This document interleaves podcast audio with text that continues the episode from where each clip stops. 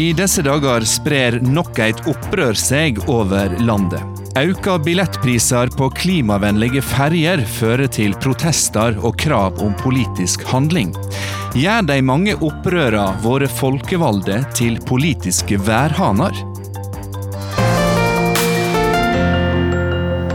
Ja, velkommen til en ny utgave av Disse dager på NRK P2. Verden er inne i den største protestbølga på mange tiår, kanskje 100 år, mener forskere. Her på berget handler det nå om hvor mye det er rimelig at en ferjebillett koster. Spørsmålet er like viktig for folk langs kysten som prisene i bomringen er for folk i byene. Og hvem som skal betale for klima- og miljøtiltak, det er et spørsmål vi alle må ta stilling til. Er folkeopprøret bak bompenger, vindmøller og billettpriser det nye demokratiet, spør vi i disse dager. Og hvordan skal politikerne kunne vedta omfattende klimatiltak dersom de som roper høgst, alltid blir hørt? I denne sendinga møter du han som mener at demokratiet har spilt fallitt i møte med klimakrisa, hun som starta eget parti for å få det som hun ville, og demonstranten som risikerer livet for å skape endring.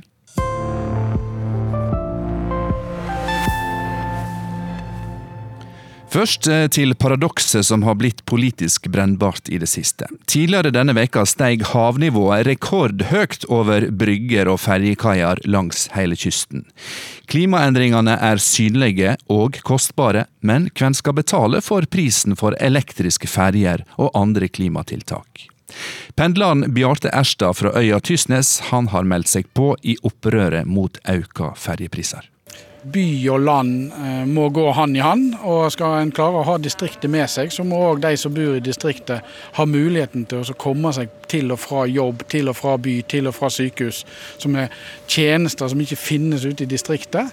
Og når da prisen for å komme seg til de mer eller mindre livsnødvendige basisbehovene som alle har, blir for høy, da blir det bråk. Når en da nærmer seg 4000 og 5000 kroner måneden for å pendle, fordi at man da ja, en har valgt å bo i distriktet og ikke midt inne i ei bykjerne. I Norge skal det være lov å bo der du vil bo. Men du bor på Tysnes, som ligger et godt stykke sør for Bergen. Og så har du kontor på Flesland, der som flyplassen ligger. Hva grep har du måttet ta for å møte de økte ferjeprisene? Nå er det jo sånn at Med autopassinnføring så er det sånn at du betaler mer for bilen, men du betaler ingenting for passasjer. Som da betyr at jeg reiser gratis når jeg går om bord, men jeg må betale en relativt høy pris når jeg tar bil med. Så jeg har valgt å leie meg en parkeringsplass eh, på ene sida av ferja. Og så har jeg bil på andre sida, eller familien har bil på andre sida av ferja. Og så eh, og så har vi gått ifra å ha to biler i husstanden og hatt det remmelig behagelig, til plutselig må vi begynne med logistikk.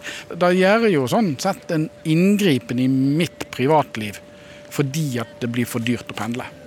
Men Bjarte, dette er jo en konsekvens av klimatiltak. Innføring av elektriske ferjer som skal ha lite utslipp av klimagasser.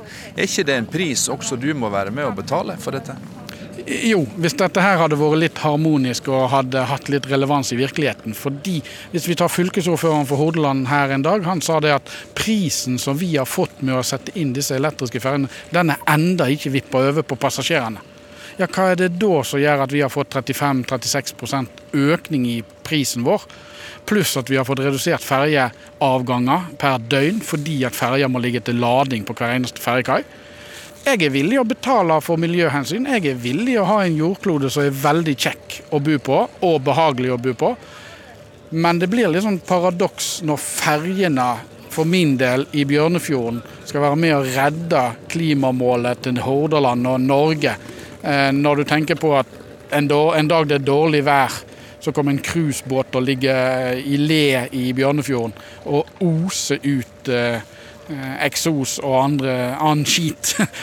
Du er en del av et opprør som nå eh, brer seg eh, langs store deler av kysten, i protest mot økte ferjepriser. Hva vil du Bjarte Erstad, at dette opprøret skal føre til? Dette skal føre til at de som innfører dette her må vite hva de driver og innfører. De kan ikke bare sitte der og sole seg i glansen for at vi har nå gjort et vedtak om at vi skal ha utslippsfrie ferjer på hele Vestlandet. Og så skal vi som er de som valgte å bo der for mange år siden, vi valgte å kjøpe oss hus på de plassene vi har hus, men i løpet av en hektisk høst så klarer de å bestemme seg for at nei, nå skal det gå elektriske ferjer der. Så de neste ti årene så legger vi på prisen til det ganske så betydelig. Det, takk skal du ha, vær så god, her har du en julepakke. Det jeg håper oppgjøret, eller opprøret eh, resulterer i nå langs hele kysten, det er at politikerne faktisk tar eh, sitt ansvar bevisst. Men du bor eh, i en del av landet Bjarte, der det har vært mye opprør. Eh, nå mot økte ferjepriser, tidligere mot eh, bompenger, mot vindmøller, mot sykehusnedlegginger og jeg veit ikke hva. Er det bare godt at disse opprørene eh, fører til endringer i politikken? Det er et godt spørsmål. Og så har du jo òg det at eh, er det sånn at man har fått en popularitetspolitikk? Der politikerne er mest opptatt av å redusere støyen for vedtak som de gjør.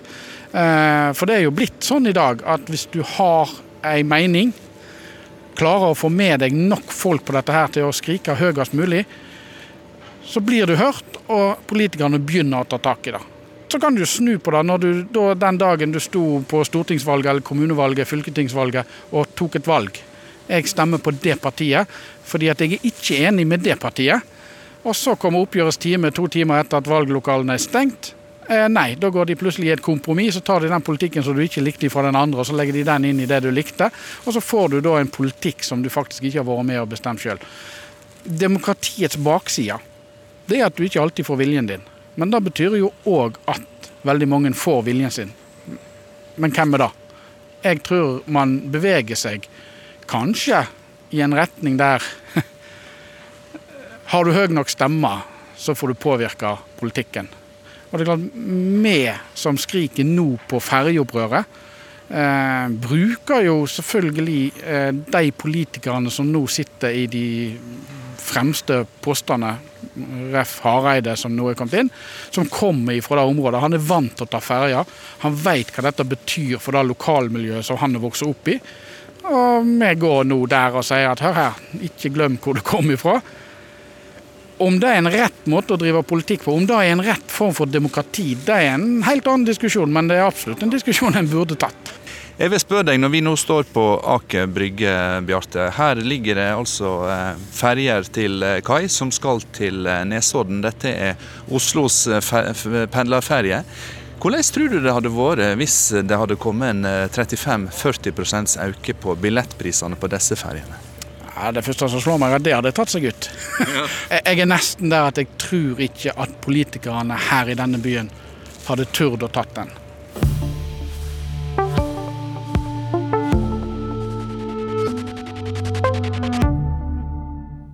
Det var Bjarte Erstad fra øya Tysnes i Sunnhordland. Han pendler med ferje til Bergen, og gjør nå opprør mot auka billettpriser. Han er en av mange som har deltatt i protestene som har prega politikken i det siste. Hvorfor tror du vi har så mange opprør for tida? Ja, Det er vel for at folk eh, føler at de ikke blir hørt. Eh, også at det er for dårlige prosesser. Eh, at ja, folk lokalt blir overkjørt, rett og slett jeg tenker at hver enkelt sak på en måte, kan være viktig i seg selv, men at det, noen ganger er det tatt ut av dimensjoner. At det blir på en måte forsterket og, og hauset opp veldig. Så det blir ikke satt i noen større sammenheng. Så det savner jeg. Det er fordi det går på folks personlige Det de personlig bruker penger på. Det har vel med at folk er misfornøyde. Men øh, hvis vi ser Norge i et perspektiv i global sammenheng, så lurer jeg på hvorfor vi klager. Nei, eh, alt av eh, avgifter og priser stiger jo i været. Så Utgangs-Norge sliter jo sånn sett. I hvert fall det siste med ferge, fergepriser, da. Nei, jeg tror jo at det er pga. at vi har det egentlig veldig godt. Vi har ikke store bekymringer i livet vårt. og Det tråkker sikkert mange på tærne nå som, som, sliter med å få endene til møtes med, med, at det er veldig dyrt å komme seg til og fra jobb, og det beklager jeg. Men, men jeg tror jo det at vi, når vi ikke har større bekymringer som mat eller utdanning eller eh, jobb eller sånt, da, så flytter vi bekymringa til andre ting.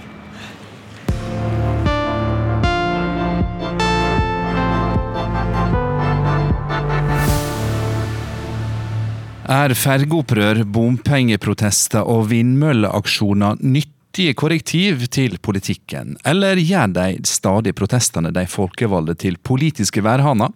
Jeg sier velkommen til Andreas Slettholm, kommentator i Aftenposten, og jusprofessor Hans Petter Graver. Starta med deg, Andreas. Du skrev nylig en kommentar i Aftenposten at sjøl det minste klimavedtaket her i landet kan stanses bare noen roper høyt nok. Hva mener du med det? Ja, det er jo eh, sånn at eh, klimatiltak eh, i Norge er kan være dyre eller billige, men noen vil måtte betale den regningen. Og hvordan man skal fordele den regningen er jo på mange måter hovedspørsmålet, all den tid de fleste er enige om at klimatiltakene må ned. Eh, og Mitt utgangspunkt for den kommentaren var denne eh, North Connect-kabelen som går til Skottland, som er et tiltak som til og med ikke egentlig koster noen ting, men hvor det er noen negative konsekvenser i form av økte strømpriser, og hvor det ser ut til at flertallet av partiene ikke er villig til å, til å ta den kostnaden, selv om den kunne vært kompensert på andre måter, sånn at selve det tiltaket ikke blir gjennomført. Og det, det er altså en kraftkabel fra Norge til Skottland som skal gi skottene grønn og fin eh, energi, i stedet for forurenset kålkraft? Ja, for å si det litt enkelt, så er det jo sånn, og det er jo det som er litt som problemet, fordi man kan jo problematisere nesten ethvert eh, klimatiltak også, ikke sant? Eh, ved å si at denne kabelen i seg selv kutter jo ikke utslipp, men den inngår i det energi, eh, europeiske energisystemet og, og, legger til rette for økt handel med, med, kraft. Så den vil, nok, den vil nok ha den effekten. Og da er spørsmålet hvor tungt veier den effekten eh, sammenlignet med andre hensyn i politikken. Men et poeng fra de side er at alt kan problematiseres, alt kan protesteres mot, og eh, politikerne er åpenbart nokså lydhøyre for disse protestene. Ja, altså klima politikk er litt som klimagasser, i den forstand at det er vanskelig å se for seg i helt ren form. De fleste klimatiltak eh, er jo eh, altså sånn som dette fergeopprøret. Der er det jo også en sånn autopassinnføring som gjør at økte, økte uh, priser har, har, kommet på mange av de fergene. Bompenger i Oslo har jo også til hensikt å uh, drive en annen byutvikling og arealpolitikk og rett og slett redusere antall veier på, på bilene. Og så er det jo en avveining, da. Jeg sier jo ikke at alle klimatiltak skal innføres, fordi, fordi det, det vil jo Det er jo andre hensyn hensyn i verden også enn det, og i Norge. Eh, men det er denne balansen og denne vektingen av klimahensyn opp mot andre hensyn som er det sentrale spørsmålet i klimapolitikken. Hans Petter Graver, eh, professor ved Institutt for offentlig rett ved Universitetet i Oslo. Du har tidligere sagt eh, at demokratiet ikke fungerer i møte med klimakrisa. Hva er det som svikter? Jeg tror at vi må erkjenne at vi ser at våre politiske institusjoner, både nasjonalt og internasjonalt, ikke klarer å gi adekvate svar på de eh, problemene vi står overfor. Eh, det er mange gode intensjoner, det er mange vedtak om eh, målsettinger. Det er mange tiltak som innføres, men, men vi ser at problemene ikke takles på, på, en måte som står i forhold til uh, utviklingen. Uh, og Samtidig ser vi også med disse opprørene at det er en økende avstand mellom uh, folk og de som representerer dem i de politiske organene. Så folk føler rett og slett kanskje ikke at de er representert på en god måte, eller at deres interesser blir ivaretatt på en god måte. Og Kombinasjonen av disse to faktorene gjør at jeg, jeg sier at uh, vi kanskje må, må tenke nytt uh, når det gjelder måten vi tenker demokrati på. Mm. Og Jeg skal utfordre deg litt senere på nye måter å tenke på. Men aller først, du er jo jusprofessor Hans Petter Graver. Og fru Justitia er jo kjent for å balansere vekta helt presist. Hvis vi overfører denne rettferdstanken da, til politikken, så er det vel engang slik at ikke alle politiske vedtak kan være like rettferdige for alle? Politikkens natur er jo at flertallets eh, vilje kommer igjennom, og at det er noen som vinner og noen som taper. Eh, men det som er spesielt med den situasjonen vi er i nå, med eh, klimautfordringen, det er at vi er i en situasjon hvor vi alle vil være tapere. Det er bare spørsmål om på hvilken måte vi rammes av dette. Og, det gjør at dette er ikke en fordelingsspill i seg selv, eller en kamp om å få gjennomslag for interesser. Det er en annen type politisk utfordring vi står overfor. Andreas Slettholm, du skriver at klimapolitikken vil kreve vilje til å gjennomføre endringer som er både vanskelige, upopulære og eh, som vil ramme enkelte grupper hardere enn andre. Sier du dermed at eh, kampen for klima ikke lar seg kombinere med kampen om politisk makt? Eh, jo, det tror jeg at den gjør, eh, men det er klart at det krever Eh, politisk vilje og lederskap. Og, og, jeg vil utfordre litt grann denne tankegangen om at det går så dårlig. fordi det, Man kan jo like gjerne si at ja, i Norge så kutter vi jo ganske lite utslipp. Men det kan jo ha en sammenheng med at vi ikke er vant til å prioritere eh, også. ikke sant? Vi har hatt et, eh, et oljefond de siste 20 årene som, som har gitt penger til nesten ethvert eh, godt Eh, tiltak. De fleste andre europeiske land har jo nådd sine klimamål. Det er en ganske sånn eh, særnorsk situasjon at vi ikke får til det vi sier vi skal gjøre i Norge. Eh, som kanskje kan ha en sammenheng med en politisk kultur hvor man faktisk i veldig liten grad klarer å gjennomføre politikk som er vanskelig og som går utover grupper, men som er nødvendige. Graver, du har referert til Europa etter andre verdenskrigen. Da fikk vi store endringer i hvordan eh, landene samarbeider. Vi fikk avtaleverk, vi fikk unioner, militært samarbeid. Er det noe lignende du ser for deg at vi trenger nå? Ja, jeg vil bare først kommentere det med Europa. fordi altså, Det er en klar sammenheng mellom økonomiske nedgangstider og, det, og, og reduksjon i utslipp. For å komme tilbake til spørsmålet om Eh, tiden etter annen verdenskrig, så illustrerer det at eh, demokrati er ikke noe statisk fenomen. Det er noe som har forandret seg opp gjennom de siste 100 årene. Måten vi har organisert demokratiet på. Etter annen verdenskrig så sto man overfor eh, enorme gjenoppbyggingsproblemer og, og problematikken knyttet til de forbrytelser mot menneskeheten som man da hadde sett. Og man bygget institusjoner som delvis var av overnasjonal karakter, altså EU og Europarådet, eh, som fra én synsvinkel kunne sies å være inngrep i demokratiet, men fra en annen synsvinkel kunne sies å være en utvidelse av demokratiet. Eh, og Vi ser også akkurat det samme hvis vi ser på norsk historie. Så hadde vi bare for 30-40 år siden det vi kalte den, de korporative kanaler. Altså det at LO, NHO og næringsorganisasjonene var tungt inne i utformingen av den offentlige politikken, og også i forvaltningen av dem. Og det ga en type demokratiske kanaler inn i offentlige beslutningsprosesser, i tillegg til de folkevalgte. De har vi nå bygget ned. Men poenget mitt er at demokratiet forandrer seg hele tiden. Vi må være villige til å, å tenke utvikling av institusjonene våre for å bevare demokratiet og redde det, ikke for å gå vekk fra det. Vi skal komme tilbake til eh, hva som kreves og hvordan det, det kan løses. Nå har vi snakka om politikere, nå skal vi snakke med en politiker. For eh, hvordan er det å være folkevalgt med ansvar for å styre landet og møte opprør og sinte protester på enkeltvedtak? Jeg har spurt eh, Liv Signe Navarsete, Senterpartipolitikeren, som har stått i stormen både som partileder, samferdselsminister og kommunalminister, om hvor grensen grensa går mellom politikk og populisme.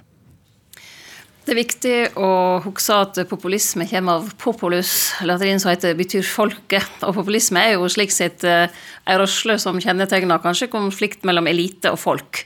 Det blir ofte brukt i Norge som negativt.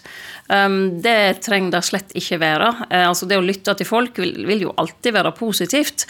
Uh, men det som er dilemmaet når en sitter i ansvarlige politiske posisjoner, er selvsagt å avvege de eh, grasrotinnspillene som kommer, opp mot det som er partiet sitt program, eventuelt regjeringen sin plattform, og, og, hvor langt en da skal eh, tøyge seg eh, i forhold til å komme i møte det som ofte er Eh, oppleves som rettmessige krav fra de som uh, står bak. Det er vel ingen som tar ferje i dag som ikke føler på at å doble takstene kanskje oppleves litt sånn urettferdig, i og med at en bygger tog f.eks., der staten tar 100% av kostnaden. Er det råd å både lytte til opprørsstemmene og å føre en helskapelig politikk? Ja. Jeg mener at det er mulig å gjøre. Um, og det er kanskje lettere for et parti som det jeg tilhører, fordi at vi er jo egentlig et grasrotparti. Det er der vi er sterkest. Tradisjonelt har vi alltid stått sterkest lokalt, ordførerparti osv. Og, det gjør jo at vi ofte står for det samme, mener vi sjøl, lokalt og sentralt. Noe som kan være utfordrende når du sitter i regjering. Ikke sant? Jeg satt åtte år som statsråd og vet at det kan røyne, for du skal finne kompromiss, og du kan ikke alltid være som rein og rank på det som eh, kanskje dine folk ute forventer. Og da kan du jo få opprør, som jeg òg hadde i min tid, bl.a. på sykehussektoren. Eh, Andreas Slettholm, eh, som er med i disse dager, han skriver i Aftenposten at selv det minste klimatiltaket i Norge det kan bli stoppa, bare ei interessegruppe roper høyt nok. Er politikerne for lydhøyre for um, særinteressegruppene sine protester? Fryktelig vanskelig spørsmål å svare ja eller nei på. Um, for uh, veldig mye avhengig av hva partiet sin politikk er. Noen ganger, ikke sant. Uh, som nå med ferjetakster, så, så, vil jo det gå rett inn i, i, vår politikk. Så vil det være andre saker der det ikke er slik. Det er da du får de vanskelige avveiningene, rett og slett. Fordi at de som er taleføre, flinke i media, eh, flinke på sosiale medier, kan jo få veldig mange med seg. Og da kommer ledelsen i et parti inn i ei klemme og tenker ja, hvor mange vil jeg møsse hvis jeg nå ikke sant? Og, det er jo ganske skummelt. Um, fordi at uh, landet vårt må ikke komme dit hen at vi styrer ut ifra hvordan vi skal please eh, ulike grupper. Vi må faktisk våge å stå i de stormene som måtte, de måtte medføre, og gjøre det vi mener er rett. Men sett utenfra eh, så kan det jo se ut som det er det veldig mange av dere driver med, nemlig å styre etter eh, nemlig det hensynet som jo er viktigst for en politiker, å bli valgt og stemt fram til makta. Ja, og det er en farlig utvikling, mener jeg, hvis det er det folk oppfatter. Eh, ta bompengeopprøret, så ble det, da ble det jo starta et nytt parti. Eh, nettopp fordi at en mente det eksisterende parti ikke lytta godt nok. Eh, så det kan jo være utslag som, eh, som kommer, da. Og jeg tror spesielt nå, de, med de store utfordringene vi får på klimaområdet, så kommer det til å bli særdeles viktig at parti evner å unngå å vingle fra sak til sak, men lage en plan som vi tenker at dette må vi faktisk gjennomføre. Vi har hatt mange eh, hva skal vi si, opprør i Norge. Du som har vært med i politikken lenge, ser du en endring i dette bildet? Kanskje er veien fram blitt enklere eh, for de som vil, gjøre, altså vil, vil ha et slags opprør, hvis du skal bruke det ordet. Fordi at kommunikasjonen er helt annerledes. Du kommer på på en helt annen måte. Og så er jeg veldig glad for at vi i Norge har opprør, da, fortsatt med litt i gåsehauget, men at de bevegelsene iallfall er noenlunde ryddige. Men er det godt eller gale for demokratiet at eh, protester, opprør, eh, styrer politikken i praksis? Jeg vil jo ikke påstå at, altså, at protester styrer politikken. Eh, jeg vil heller si at protester er korrekt, et korrektiv til politikken. Det er jo folkestyre, og jeg mener rett og slett at eh, det er jo ikke noe vi bare skal se på som negativt. Jeg syns vi faktisk skal se på det som at kan hende at den politikken som blir ført av vekslende regjeringer, ikke alltid treffer 100% Kanskje er det slik at vi trenger korrektiv fra folkedypet. Det kan være verre hvis det er eh, f.eks. nei til absolutt alle klimatiltak som blir helt nødvendig å gjennomføre. Og hvis alt liksom møter veggen, for at eh, ja, da, eh, som du nevnte i dag i en kronikk, da har vi litt større problem, rett og slett. Ja, Liv Signe Navarsete fra Senterpartiet vil gjerne ha korrektiv fra folket, men ikke for mange protester. Eh, vi har stadig med oss Andreas Slettholm fra Aftenposten og jusprofessor Hans Petter Graver. Eh, jeg spør deg, Andreas, eh, med henblikk på at det er halvannet år til stortingsvalget. Hva politisk utvikling ser du i, i det norske demokratiet nå?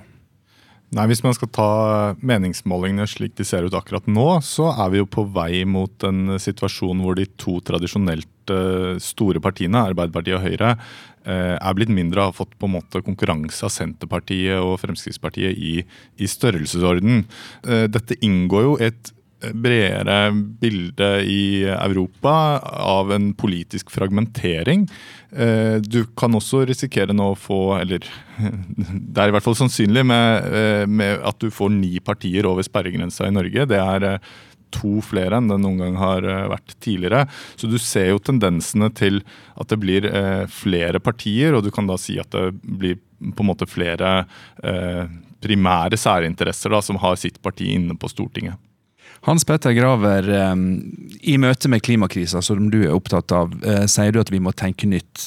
Skal vi, skal vi gjøre det slik at vi lar andre representative utvalg enn eh, Stortinget ta beslutningene for oss? Må dette liksom ut av politikken? Nei, det tror jeg ikke. Det må ikke ut av politikken. Men, men vi må være villige til å tenke ikke bare at politikerne må forandre seg, og partiene må forandre seg, men at institusjonene og måten systemet er rigget på, også har betydning. Eh, Hva betyr det i praksis? Nei, Det betyr at vi må, må, tenke sånn som vi hadde andre representative uh, kanaler uh, tidligere. Så må vi se på om det kan bygges inn nye. altså En ting som har vært eksperimentert med, det er forskjellige typer av representativt demokrati i form av folkemøter eh, i form av eh, diskusjonsgrupper. I Island så hadde man en prosess da man utviklet nytt grunnlovsforslag f.eks., som var en gruppe på rundt 100 mennesker som utviklet dette på vegne av politikerne. Og det finnes forskning på forskjellige måter å engasjere folk på som kan Eh, gi en form for eh, annen type innspill til politikken enn de politiske partiene og de kanalene vi har i dag. Og dette skal føre til bedre forankring og hva skal jeg si, større legitimitet til vedtakene? Ja, både det og uh, også mer effektivitet. Altså Det viser seg jo at uh, folk, uh, når de kommer inn i sånne sammenhenger og diskuterer ting, så er de villige til også å ofre noe for å løse de alvorlige problemene man står overfor. Eh, på en annen måte enn de er hvis de føler at eh, beslutningene blir tatt over hodet på dem på en måte som oppleves, hvor, hvor effekten oppleves urettferdig. Mm. Så, så, det er både legitimitet og effektivitet vi må se på. Er dette måten å gjøre det på, Slettholm, for å unngå det du eh, skriver om som et kappløp mot bunnen, der terskelen for hva som er uakseptabel byrde for folk, blir senka? Ja, altså Den uh, formuleringen handler nok mer om som et uh, norsk uh, politisk øyeblikksbilde blant partiene i dag. Men det er klart at jeg er, jeg, er, enig i at man må tenke gjennom om det fins instrumenter som i større grad kan kanalisere uh, denne type oppgjør inn i, uh, inn i prosesser, så, så, vil jeg jo si at uh, det Altså medvirkningsprosesser og andre typer liksom, grasrotinitiativ er preger jo politikken også i mange norske kommunestyrer, f.eks. i arealpolitikken. sånn at man, man, er jo oppmerksom på disse problemene med, med legitimitet og effektivitet, men om dette her er noe som vil bidra overordnet sett til at Norge når sine klimamål, det er, det er nok litt mer usikker på. Det som i alle fall er sikkert, er at det er om lag halvannet år til stortingsvalget. Så får vi se hva sammensetnad det blir i parlamentet. Takk skal du ha, Andreas Slettholm, kommentator i Aftenposten, og takk til Hans Petter Graver, jusprofessor ved Universitetet i Oslo.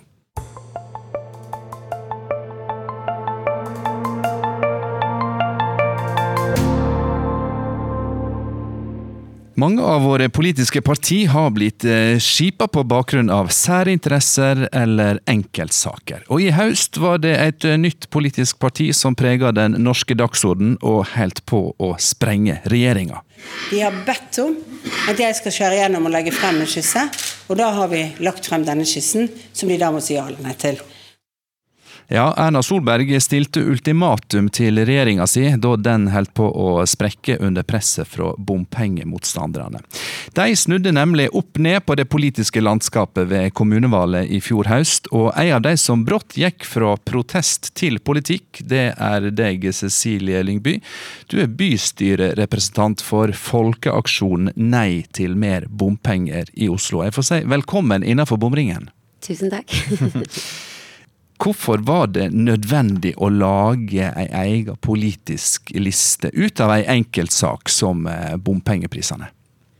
Eh, fordi at alle våre politiske, altså hvis du kan si verktøy, eh, som vi har som folk, de virket ikke.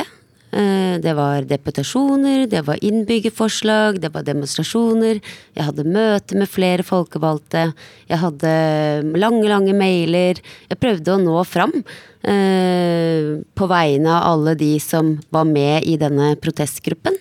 Eh, og man ble ikke hørt, og man ble bare avvist på ikke noe gjennomgang av saken engang. Du ble liksom bare avvist på to minutter. Og det er klart at da må man jo bli med der hvor det skjer, da, for å prøve å få gjort noe. Mm. Men sier du at du som Altså deg som bompengemotstander var det liksom ikke plass til i, i det demokratiske herberget?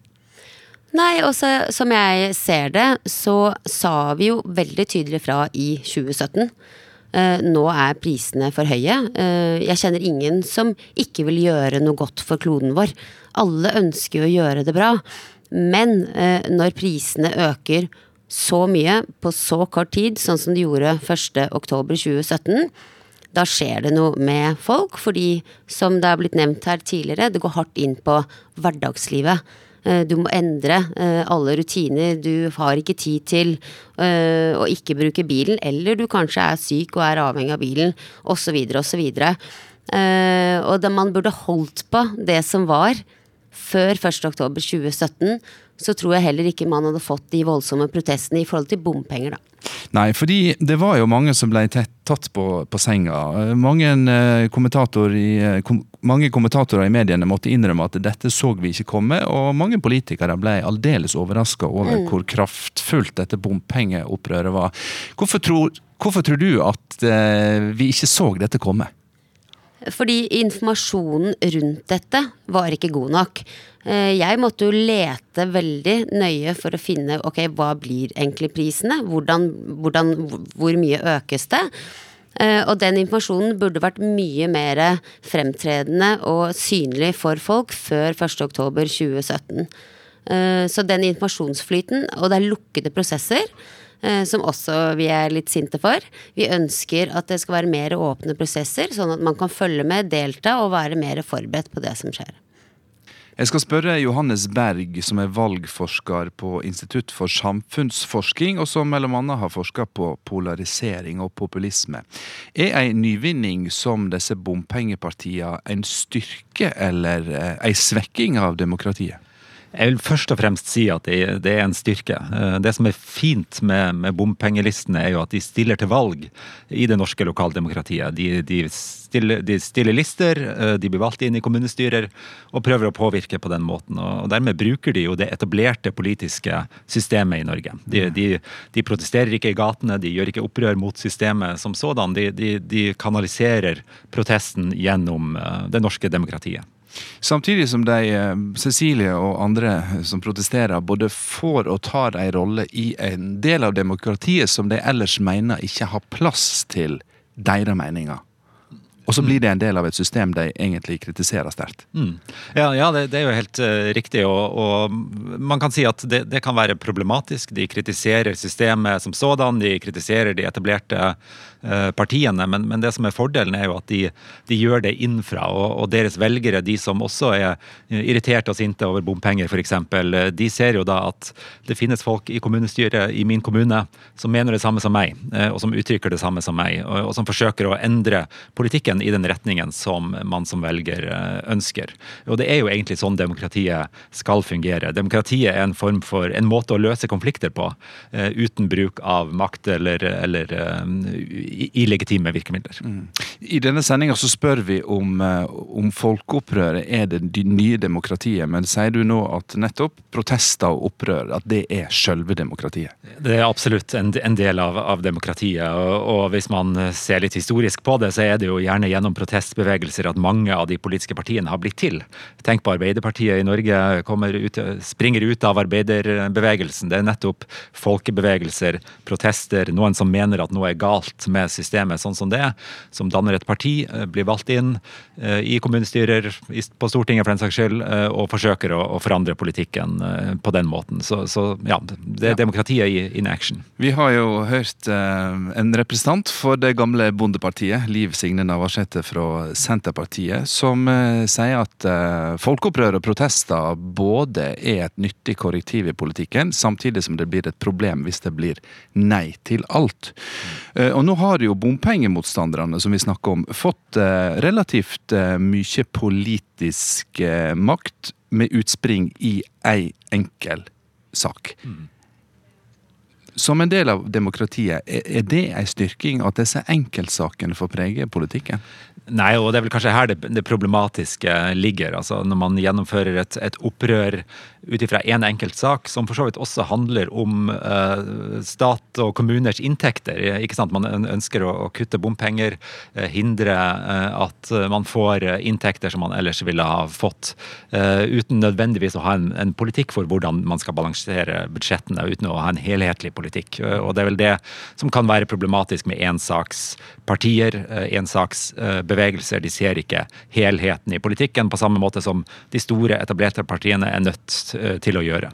Vi skal senere i denne sendinga Johannes Berg, se på protestene som brer seg i andre land, stort sett over alle verdens kontinent.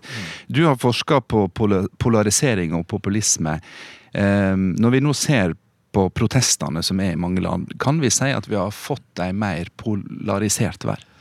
Ja, det kan vi si. Hvis vi ser oss rundt i Europa i dag, Nord-Amerika, så er det mer polarisering i den forstand at det er større avstander mellom ulike partiers velgere. Det er større eh, avstander i samfunnet, mer sånn ideologisk, mellom de som ligger til venstre og de som ligger til høyre, eh, f.eks. Avstandene øker når det gjelder syn på innvandring, klima, eh, den typen ting. Så vi ser en økt polarisering, og det har vi også sett eh, i Norge, for så vidt. Hvis man ser på utviklingen de siste par eh, tiårene, så er det større motsetninger eh, i dag enn det var for eh, en tid tilbake.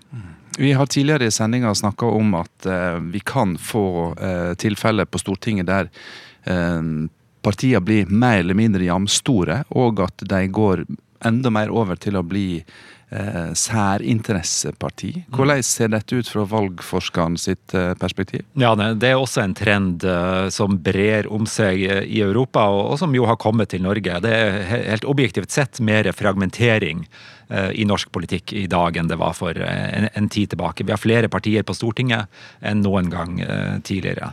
Eh, Jeg snakket med noen nederlandske forskere som mener at det, eh, det som skjer er en dutchification of European politics. At, at eh, alle land blir sånn som i Nederland, for i Nederland har man nettopp denne fragmenteringen.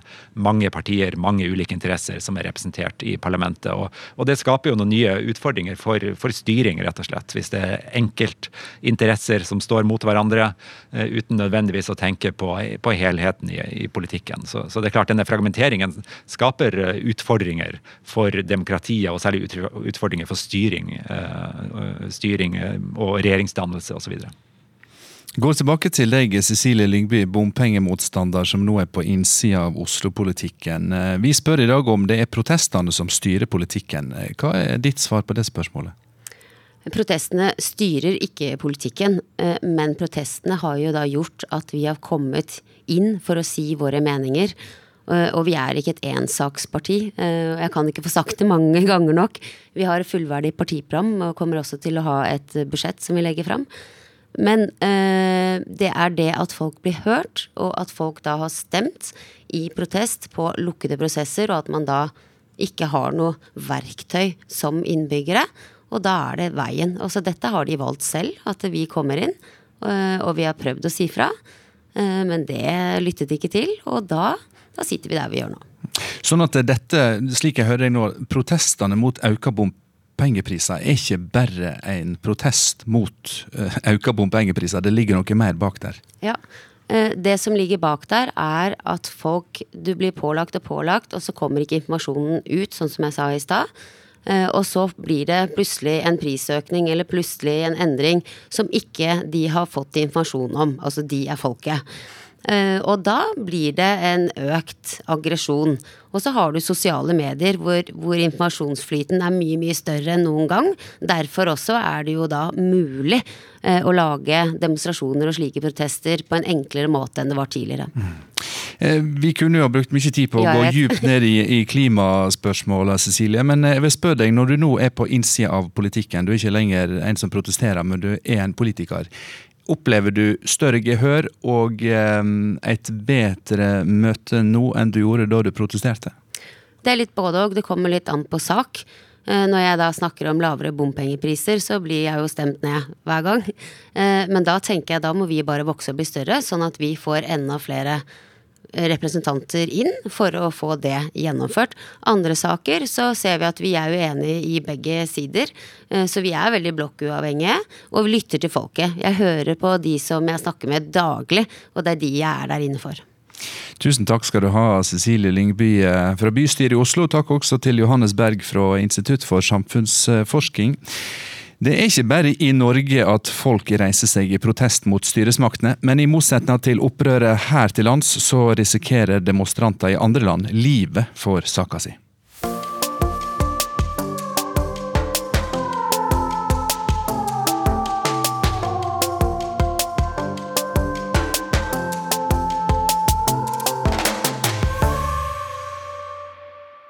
Flere steder i verden har folk tatt til gatene for å vise sin misnøye med styresmaktene. Fra Frankrike, Hongkong til Midtøsten og Latin-Amerika har protestene vært massive.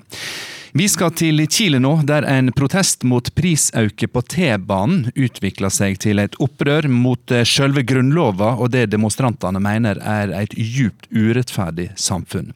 I hovedstaden Santiago har sammenstøyt med en brutal politistyrke ført til at flere tusen er skadde, et trettitalls er drepne, og hundrevis har mista et øye etter at politiet har skutt på dem med gummikuler.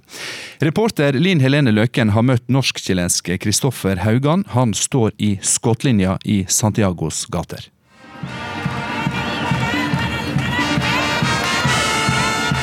Hvor er det vi er på vei hen eh, nå? Kirka San Borja, som er den religiøse tjenestekirka til Carabineros de Chile, politistyrken i Chile. Ja, hva skjedde der? Eh, demonstrantene gikk mot politistyrkene og eh, klarte å bryte gjennom politibarrikaden og storma kirken og brant den ned. Den står jo fortsatt, da. Det er murstein. Oi, men den er helt svart her, ja. Så symbolisk sett var den veldig viktig for, for politiet. Hva er det egentlig det lukter? Perdón, ese olor que se siente plástico como lacrimógena también. Ahora. Tåregass nå? Hva betyr det, da? At de holder på nå? Jeg vet ikke hva som foregår der borte. Eh, Det begynte med at eh, regjeringen skjøt opp prisene på T-banen med 30 pesos. Det tilsvarer ca. 10 dollar cent, som ikke er så veldig mye. Da. Og så var det grunnskoleelevene som begynte å evadere, og så hoppe over skrankene om å ikke betale. Og det gikk ca. i fire-fem dager, hvis jeg husker. Eh, Så sa presidenten her, Sebastian Pinera, at det var nok. Nå skal vi ha politistyrker i hver eneste T-banestasjon, så at de kontrollerer at folk betaler adgang. Samme natta var det 30 av de 132 forskjellige T-banestasjonene i Santiago som brant ned. Og det som fulgte etter, det var massive demonstrasjoner. Et stort opprør, ikke bare fra skoleelevene, men, eh, men også fra hele befolkningen. Kan du fortelle litt om den første perioden? Nei, det var helt kaos. Altså, jeg tror de fleste her til lands de hadde aldri trodd at eh, det som skjer nå, i det hele tatt kunne skje. Og så var det jo på godt norsk et helvete ute på gata. Og det gikk eh, bare to-tre dager eh, til at presidenten sa nå er det nok. Nå blir det utgangsforbud etter klokken åtte, fordi da er militærstyrkene ute på gata. Det hadde ikke skjedd siden militærdiktaturet på 70- og 80-tallet. Eh, Militærstyrkene de hadde da lov til å skyte på menneskene som var ute etter den der curfew. Og i tillegg så ble det jo også slutt på eh, offentlige transportmidler. Så det er flere som ble skutt ned bare fordi de ikke hadde noe annet valg enn å bevege seg på beina eh, og komme seg hjem. Hva er det folket vil ha? Hva er det de demonstrerer for? Eh, bedre helse, trygd, bedre pensjoner, eh, bedre utdanning. Hva vil du si er de største forskjellene mellom det norske og det chilenske samfunnet? I Norge så har du jo den pensjon som gjelder for alle, mens her sånn har du en pensjon som gis ut fra staten, men den er veldig dårlig. Akkurat som du har eh, offentlig helsesystem, men det ville jeg ikke ønsket min verste fiende, fordi det er dessverre veldig dårlig her. F.eks. på sykehus så mangler det veldig mye utstyr, det mangler medikamenter, det mangler eh, personell. I Norge så har du et offentlig eh, edukasjonssystem som er eh, i gjennomsnitt veldig likt for alle, så at alle får samme sjansen. Mens her sånn er det veldig klassistisk. Så hvis du har penger, så kan du komme inn i de gode universitetene. Og du har også du har adgang til bra helse, men det er bare en, en, et fåtalls prosent som har tilgang til det her. Fortell hva som skjer under demonstrasjonene, hvordan folk eh, oppfører seg mot hverandre. Eh, det er veldig mye samhold nå. Eh, det viser seg f.eks. i og med at det er folk som deler ut mat til de som kjemper i førstelinja mot politistyrkene. Og det er folk som flyr rundt med sprayflasker med bikarbonat og sitron. Og spruter det i ansiktet på folk så at det lindrer effektene til tåregass. Eh, Røde Kors er ute frivillig og hjelper de som har blitt skada av eh, skudd fra politiet. Men hva har vært de største krava fra, fra folket? At presidenten går av. Hva slags svar har president Prenera og regjeringa gitt folket som har vært ute og demonstrert? Altså Først så tok det ca. en uke for at han sa at han ikke skulle sette opp prisene på, på T-banen. Og etter det så har det egentlig vært ingenting. Regjeringen dem gir seg ikke i det hele tatt. Det er jo fortsatt demonstrasjoner i gatene her. Hva tenker du om den tiden som er nå, til sammenligning med, med diktaturtiden? Altså De generasjonene eh, som kommer etter meg, de er jo ikke født under diktaturen. Så de har ikke vokst opp med den der frykten som du, og respekt mot politi og militær. Som under diktaturen var veldig voldelige, veldig brutale. Som drepte mange tusener av mennesker. Og i dag så har folk rett og slett mista all respekt for disse institusjonene. Og det blir jo nesten litt som et lovløst land. Hva tror du kommer til å skje framover? Tror du det kommer til å skje noen store endringer i Chile? Jeg, jeg håper det. Jeg håper at folk kan samle seg og se mot en lys framtid. Tror du demonstrasjonene kommer til å fortsette? Ja, selvfølgelig. Uten tvil. Det er vanskelig å slokne den, den ilden.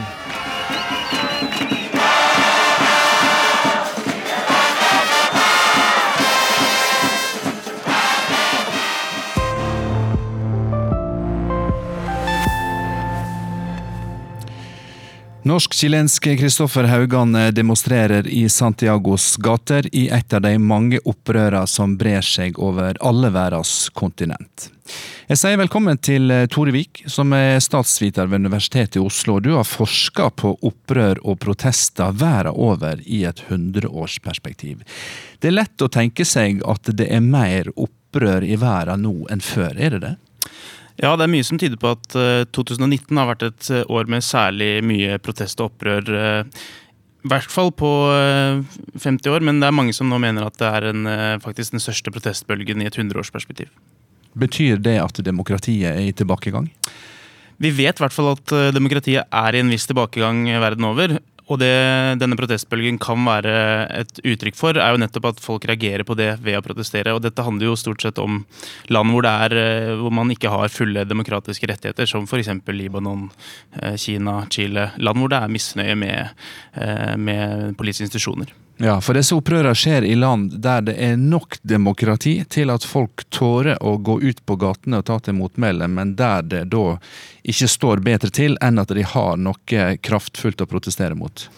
Ja, så I land som Nord-Korea, som er et meget brutalt diktatur, så er, ser du ikke mye protester. og Det skyldes jo at regimet er såpass gode til å forhindre protest at man ikke ser noe, noe massemobilisering. Mens i land som, som, i Bolivia, som i Chile, Libanon, Irak, så, er det på en måte mulig for folk å ta til gatene, eh, men det er fortsatt såpass svake demokratiske institusjoner at misnøyen er, er stor nok til at tusenvis protesterer. Mm. La oss gå historisk eh, til verks, Torevig. Eh, hva og hvem eh, skal til for at et opprør skal lukkes? Så vi har jo sett på um, den sosiale sammensetningen til protestbevegelser over hele verden uh, i et hundreårsperspektiv. og Det er overraskende stor variasjon i hvem det er som deltar. Det kan være bønder, det kan være offentlige ansatte, det kan være industriarbeidere, det kan være urbane middelklasser. Og det vi finner uh, i en stordataanalyse av alle disse protestene uh, i et hundreårsperspektiv, er jo at protester som domineres av industriarbeiderklassen, har en meget høy sjanse for å lykkes. og da forstått som at demokrati øker etter disse protestene protestene. Og Vi finner også noe støtte for at urbane middelklasser eh, ofte fører til vellykkede demokratiprotester. Men, eh, men det er størst, størst, eh, støtte for at det er den industriarbeiderklassen som oftere, oftest fører til demokratiske innrømmelser etter protest. Ja, men uh, ting har jo endra seg. Du refererer til industriarbeiderklassen. Hvem er det som har tatt industriarbeiderens rolle i, i dagens opprør? Så det vi ser i de protestene som har preget 2019, eh, og til en viss grad også 2020, er jo at det, de preges av eh, folk som bor i byene, urbane middelklasser, ofte studenter, um, som protesterer. Og det er jo en, en, et kjennetegn ved disse protestene som har vært i dag, er jo nettopp at de stort sett foregår i byene. Men når du snakker om industriarbeidernes rolle i protestene, så handler det også om at industriarbeiderne de er samla i fagforeninger, de har eh, streikevåpen, sier du. Eh, når dette blir borte, hva middel eh, bruker de som protesterer verden over i dag, i mangel på streikevåpen og sterke unioner? Nei, Vi ser jo altså at de protestene som har preget verden nå, ofte er mindre organiserte eh, enn eh, en protester før. De, de, baserer seg i mindre grad på organisasjoner, de baserer seg mer på umiddelbar mobilisering gjennom sosiale medier. Og det er jo på en måte tveget sverd, fordi eh, når du bruker den type eh, sosiale medier, internett, for å samle protest, så er det veldig lett å få mange i gatene, men du trenger også type underliggende infrastruktur som gjør det lettere å få, få til politisk endring på lang sikt, som organisasjoner, politiske politiske partier, fagforeninger ble nevnt her. Eh, og disse tingene forsvinner litt når man får disse umiddelbare store protestene som kanskje ikke har så eh, dype, dype, dype røtter i grasrotsorganisasjoner som, eh, som, man så før.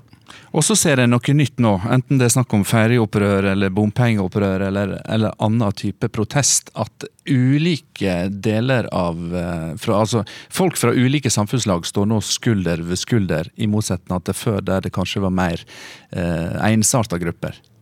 Ja, altså det, det har jo vært eh, ofte, ofte, ofte, historisk at protestbevegelser domineres av én eh, sosial gruppe. Nå er det kanskje lettere å få, eh, få, folk fra forskjellige sosiale lag sammen om enkeltsaker. Og det skyldes jo at eh, først og fremst at man kan møte hverandre på sosiale medier. Det er lett å få til en aksjon mot bomme, bompengepriser, f.eks. Um, så det er definitivt lettere å få til Eh, at man kan få en allianse mellom folk som bor på vestkanten mot eh, bompenger, bompenger med de som bor i Groruddalen f.eks. Men det er vanskeligere å se for seg at disse tingene fører til på en måte, organisasjoner og grasrotsorganisering på lang sikt. Da. Det er mer umiddelbare, umiddelbare saker som mobiliserer. Det kan jo være nærmest fascinerende å tenke på at eh, en del av det opprøret vi har hatt i Norge i det siste, har en ting til felles med opprøret i Chile, som jo har enda på blodig vis. Og det er nemlig at det starta med en prisøke i kollektivtrafikken. Hva forteller forskninga di om eh, gnistene som har tent opprøret opp igjennom? Begynner det med de relativt eh, trivielle sakene? Altså Det begynner ofte med uh, umiddelbare, konkrete hendelser eller politiske saker som er veldig fremtredende for uh, folk. Så f.eks. den arabiske våren startet med at en grønnsakshandler satte fyr på seg selv i protest mot uh, priser på grønnsaker i Tunisia. Mens dette bompengeopprøret har jo med bompenger å gjøre, og i Chile så har det å gjøre med T-banepriser. I Libanon så var det handlet om en skatt på WhatsApp, altså denne Messenger-tjenesten.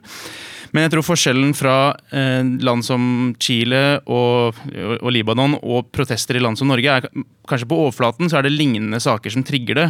Men i Chile så handler det mye mer om grunnleggende institusjonelle strukturer. Det handler mye mer om misnøye med selve systemet.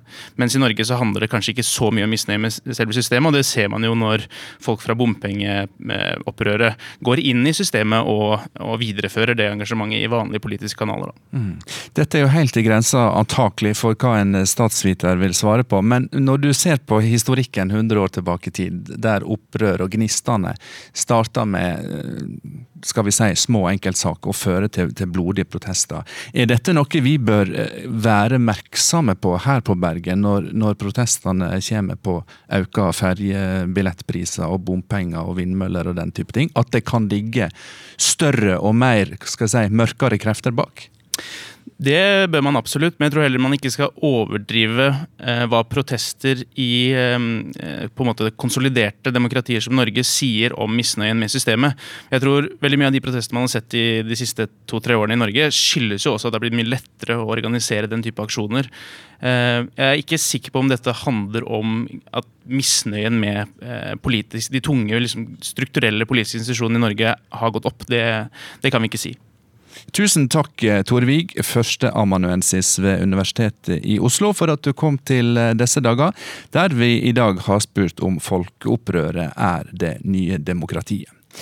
Disse dager går mot eh, slutten. Helje Marie Thorsdatter Svensson og Fredrik Nordin hadde det tekniske ansvaret. Reporter var Linn Helene Løkken. Marte Rommetveit produsent. Og jeg, Håkon Haugsbø, minner om at disse dager også er tilgjengelig som podkast der du vil, når du vil. Takk for at du var med oss. Velkommen tilbake på samme kanal om ei uke.